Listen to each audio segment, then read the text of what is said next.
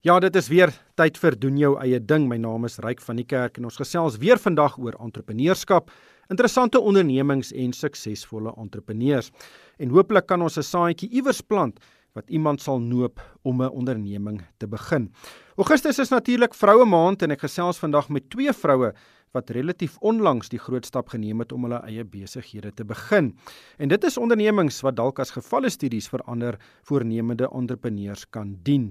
Ek gaan net nou met Christa Kalitz van Stellenbosch gesels. Sy is die eienaar van Fifth Element Sportswear wat 'n hele reeks sportklere en veral gimnasiumklere ontwerp en vervaardig. Ek dink baie luisteraars sal haar ken as die ballerina wat toe sy baie jonk was amper haar voet in 'n ongeluk verloor het en toe na meer as 20 jaar na baie pyn, rehabilitasie en vasberadenheid weer begin dans het. Sy's egter ook 'n entrepreneur en ons gaan gesels oor hoe sy haar besigheid staan gemaak het.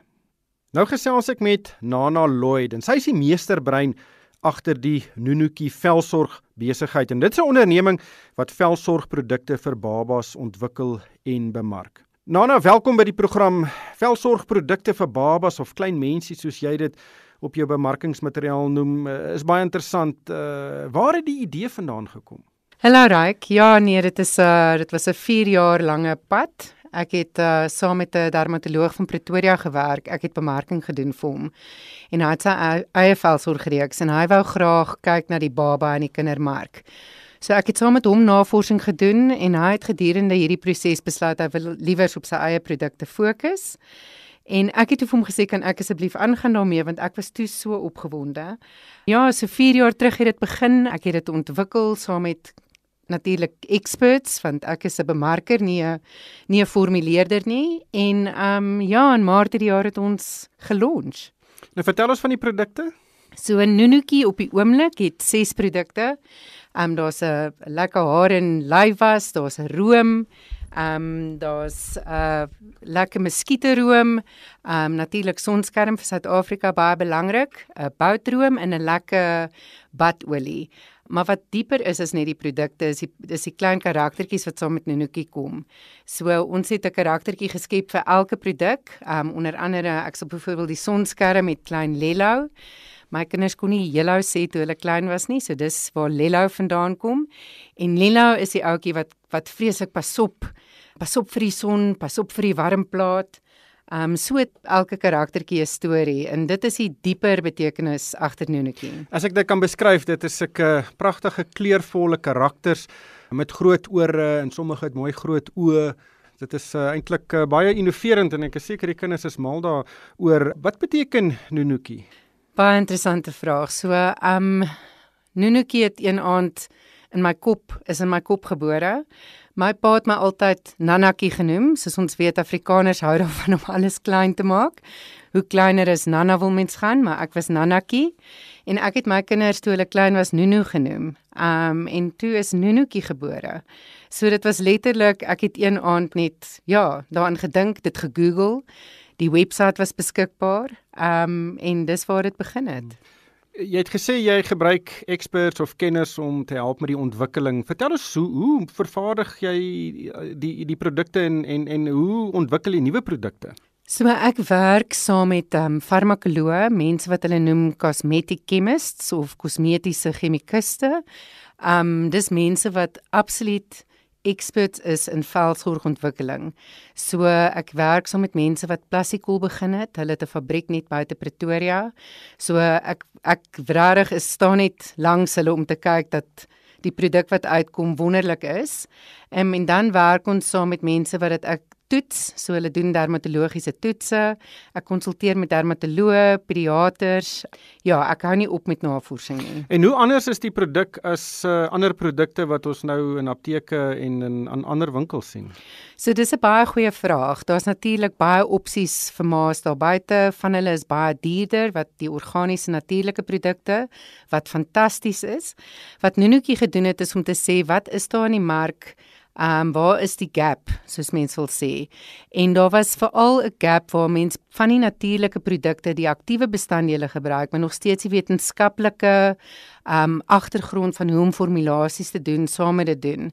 So alhoewel die aktiewe bestanddele natuurlik is, is dit nie 100% natuurlik nie en daarom is dit meer bekostigbaar. Ek wil nou nie my ouderdom of onkunde weggee nie, maar toe my kinders klein was, was dit 'n uh, Aqueous room en daai geel shampoo. Ek kan nou nie dit onthou nie en dit lyk regtig of hierdie bedryf baie baie gegroei het. Wat is die vraag na na hierdie nuwe generasie produkte as ek dit so kan stel? Ja, so dit is 'n goeie vraag. Ehm um, daar's daar omdat daar so baie misinformasie is aan verbruikers.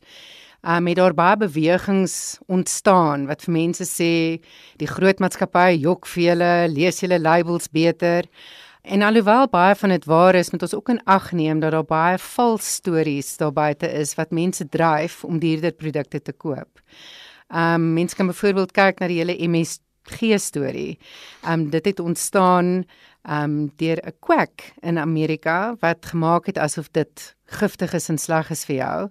En toe daar 'n hele beweging ontstaan wat mense produkte ontwikkel sonder MSG. Ehm um, dit het nou ontlyk dat daar dit eintlik moet jy 25 kg suiwer MSG per dag eet vir vir dit om sleg te wees vir jou. So Nunuki gaan meer oor let's be honest, authentic en op die ou einde is jou kinders so kort klein dat jy die tyd saam met hulle moet geniet en dit is daarom pret hê. Maar is dit nie hoe dierdere produk is, hoe liewer as jy vir jou kind nie? Dis baie waar en en tog mense raai daarop. Ek sê nie die diereprodukte is nie beter nie. Want daar is baie goeie bestanddele agter dit. Ehm um, natuurlik die groot groot maatskappye kan baie meer produkte vervaardig en hulle kan dit goedkoper verkoop. Ehm um, daar die diereprodukte is baie goed, maar is dit soveel beter is die vraag?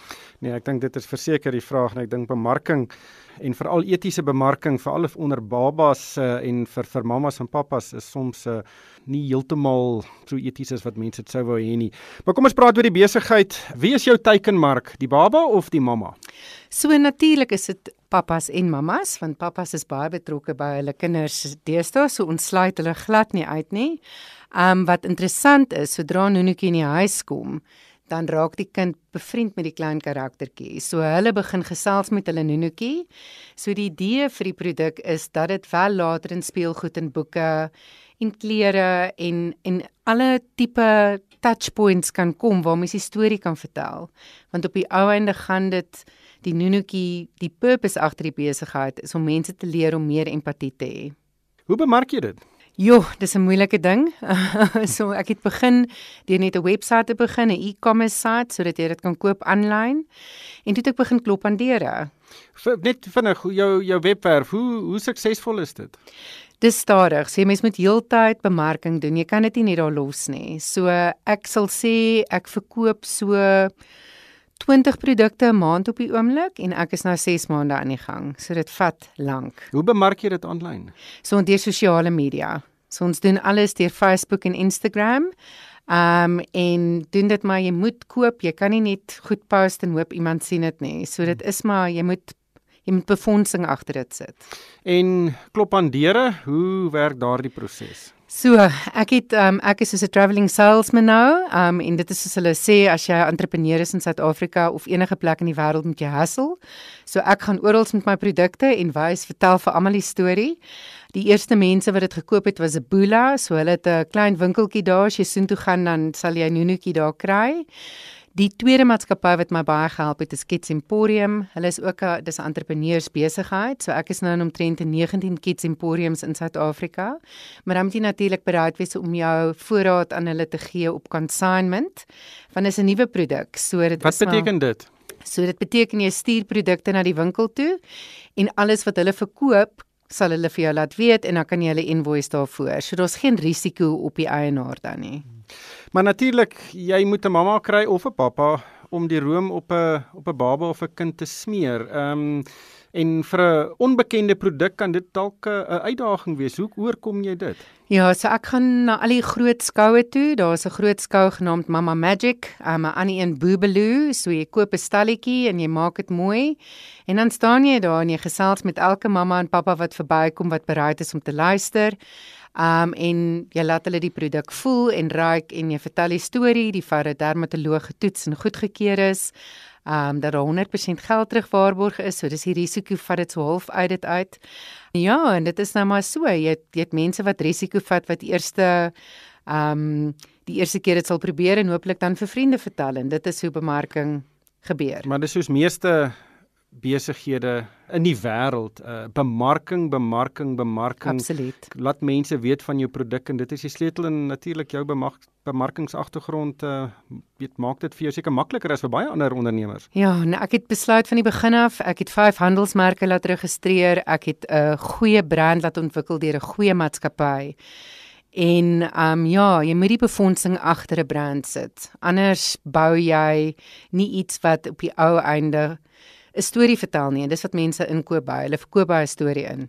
Nana baie baie dankie dat jy ingekom het ateljee toe en baie sterkte met die toekoms. Lyk like nou baie innoverende produk. Dit is uh, Nunuki velsorg en jy spel vir hom N U N U K I en uh, hulle is ook op die uh, op die internet so gaan soek net vir hulle daar. Nana baie dankie vir jou tyd. Baie dankie Ryk. Dit was Nana Lloyd, sy is die meesterbrein agter die Nunuki velsorg besigheid.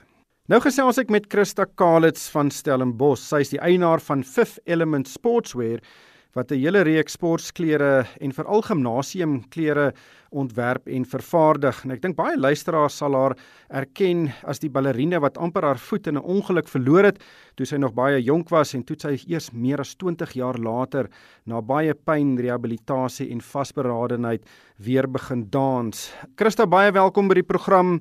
Ek wil egter vandag gesels oor Fifth Element Sportswear. Julle het in 2016 afgeskop Waar het julle die idee gekry? Baie dankie. Weet jy, ja, in einde van 2016 is dit daardie jaar wat ek weer my passie in jy weet bietjie gesonde leefstyl begin leef het en begin oefen het en so jy weet vir myself eintlik oefenklere gesoek het wat ietsie bietjie meer 'n niche is en wat 'n bietjie anders is en ook goeie kwaliteit is. Dis waar dit alles begin het aanvanklik en so ontaard toe in 'n besigheid op die ou end wat net totaal na 'n voltydse besigheid geraak het. Maar kyk, sportklere is ja. interessante goed. Jy het verskeie kleinhandelketTINGS wat spesifieke sportwinkels het. Jy het ook ehm um, sportwinkels per se wat spesialiseer in klere. Hoe dink jy met hulle mee en hoe is jou produkte anders as wat jy daar sien? Weet jy, ja, dit is eintlik snaaks. So ek begin het met met hierdie passie van my. Ehm um, ek wou nog altyd iets in mode gedoen het en ek het eintlik 12 halfsoort kop dit begin sonder om regtig te besef in die mark aangaan, weet, so self soos jy weet van die kettingwinkels wat elkeen ook hulle eie sportklere afdelingkie ook deesdae. En daar's soveel ander eintlik waarmee ek meeding, maar ek voel tog dat ek uh, het 'n uh, unieke produk. Daar's ietsie vir alles, my materiale is van oorsee, dit is baie goeie materiale, so ek kan regtig voorsien, jy weet, my kwaliteit is een van die dinge wat uitstaan en dan ook om en die prys is redelik bekostigbaar. So dit is stapal definitief meer onder die boutique sportklere. Maar ja, die, en dit ek het baie mooi kleurvolle patrone en materiale wat uniek is wat bietjie uitstaan teenoor die ander, jy weet die gewone swart en ander kleure, ja. Wie doen die ontwerp en en waar word die klere gemaak? Dit ek het vir meestal van Europa, dit word in Europa vervaardig. Dan het ek ander verskaffers reg oor die wêreld. Ek het van my ontwerpe ontwerp ek self en dan word dit byvoorbeeld in Hong Kong en die Verre Ooste vervaardig. Ja, so dit kom eintlik maar so bietjie van van oral af en en daarom kan ek spesifiek jy weet die kwaliteit ook beheer van my verskaffers en ehm um, dit baie vertroud met die met die kwaliteit wat ek kan bied. Hoe bemark jy die die reeks? Dit is ja, uh, die internet is gelukkig wonderlik. Jy staan met al die sosiale media netwerke, Facebook, die Instagram, daar's alle verskillende maniere jy staan mense te kry om te belang te stel in 'n produk en dan is dit natuurlik ook as ek gelys by ander e-commerce webtuise soos Zando byvoorbeeld wat dan ook 'n groot positiewe pluspunt is vir my ten opsigte van om my naam en my my handelsmerk uit te kry En dan baie van my kliënte verkies nog om te veral eerste indrukke om bekend te raak met jou produk. Hou hulle daarvan om hulle sintuie nog te gebruik om besluit te kan maak hulle wil graag voel en sien hoe die materiaal is en voor hulle dan die besluit kan neem om om die produk te koop. En dan deesdae ek probeer nou 'n bietjie meer die pop-up winkels, is meer bekend as die pop-up shop shops te doen waar waar mense kan kom waar daar nou 'n paar klein besighede bymekaar kom vir 'n dag en hulle produkte uitstal. En dan gaan ek nou maar ook na die na die fiksites events toe en gaan wat basies na produk na die mense toe en dit staan dit bekend so. Ja kyk om produkte deur die internet te koop is taamlik algemeen, maar daar's 'n groot verskil om 'n 'n broodrooster of 'n rekenaar te koop wat ja. jy weet presies hoe die produk lyk en voel, maar om klere te koop en om die materiaal te voel is uh, vir baie mense baie belangrik. Vind jy dat die aanlyn uh, verkope daardeur gestream word? Ja, definitief. Ek voel my eie uh, webwerf self, die verkope aanlyn is maar nog baie stadig. Dink mense um, raak maar nog gewoond aan die idee alhoewel daar is soveel inligting wat hulle gee saam met die modeproduk. Jy weet, volle beskrywings, die foto's, alles Maar ek het eintlik vir my baie maklik om daardie besluit te neem, maar ek het gevoel die grootste faktor vir my kliënte is die grootte of dit gaan pas. Gaan ek nou hierso 'n broek koop, gaan dit vir my reg pas en jy weet dit is maar miskien wat hulle bietjie hinder.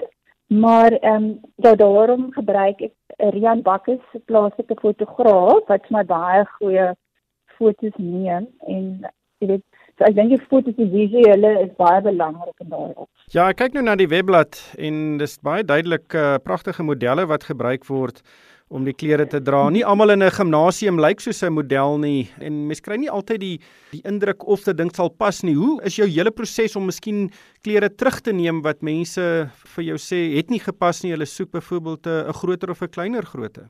Weet jy ja, ek dink ehm um, die dis hoekom ek dit vind dis baie belangrik om my goeie verhoudinge te hê met my plaaslike kliënte so hulle voel vry om na my toe terug te kom en te ruil vir hulle iets baie maklik. En dan aan die ander kant, ek dink die ouer generasie is miskien 'n bietjie skrikkerig om aanlyn iets te koop want sou dit nou nie pas nie, dan wil ek nou nie graag daar moet doen om nou weer iets terug te stuur nie.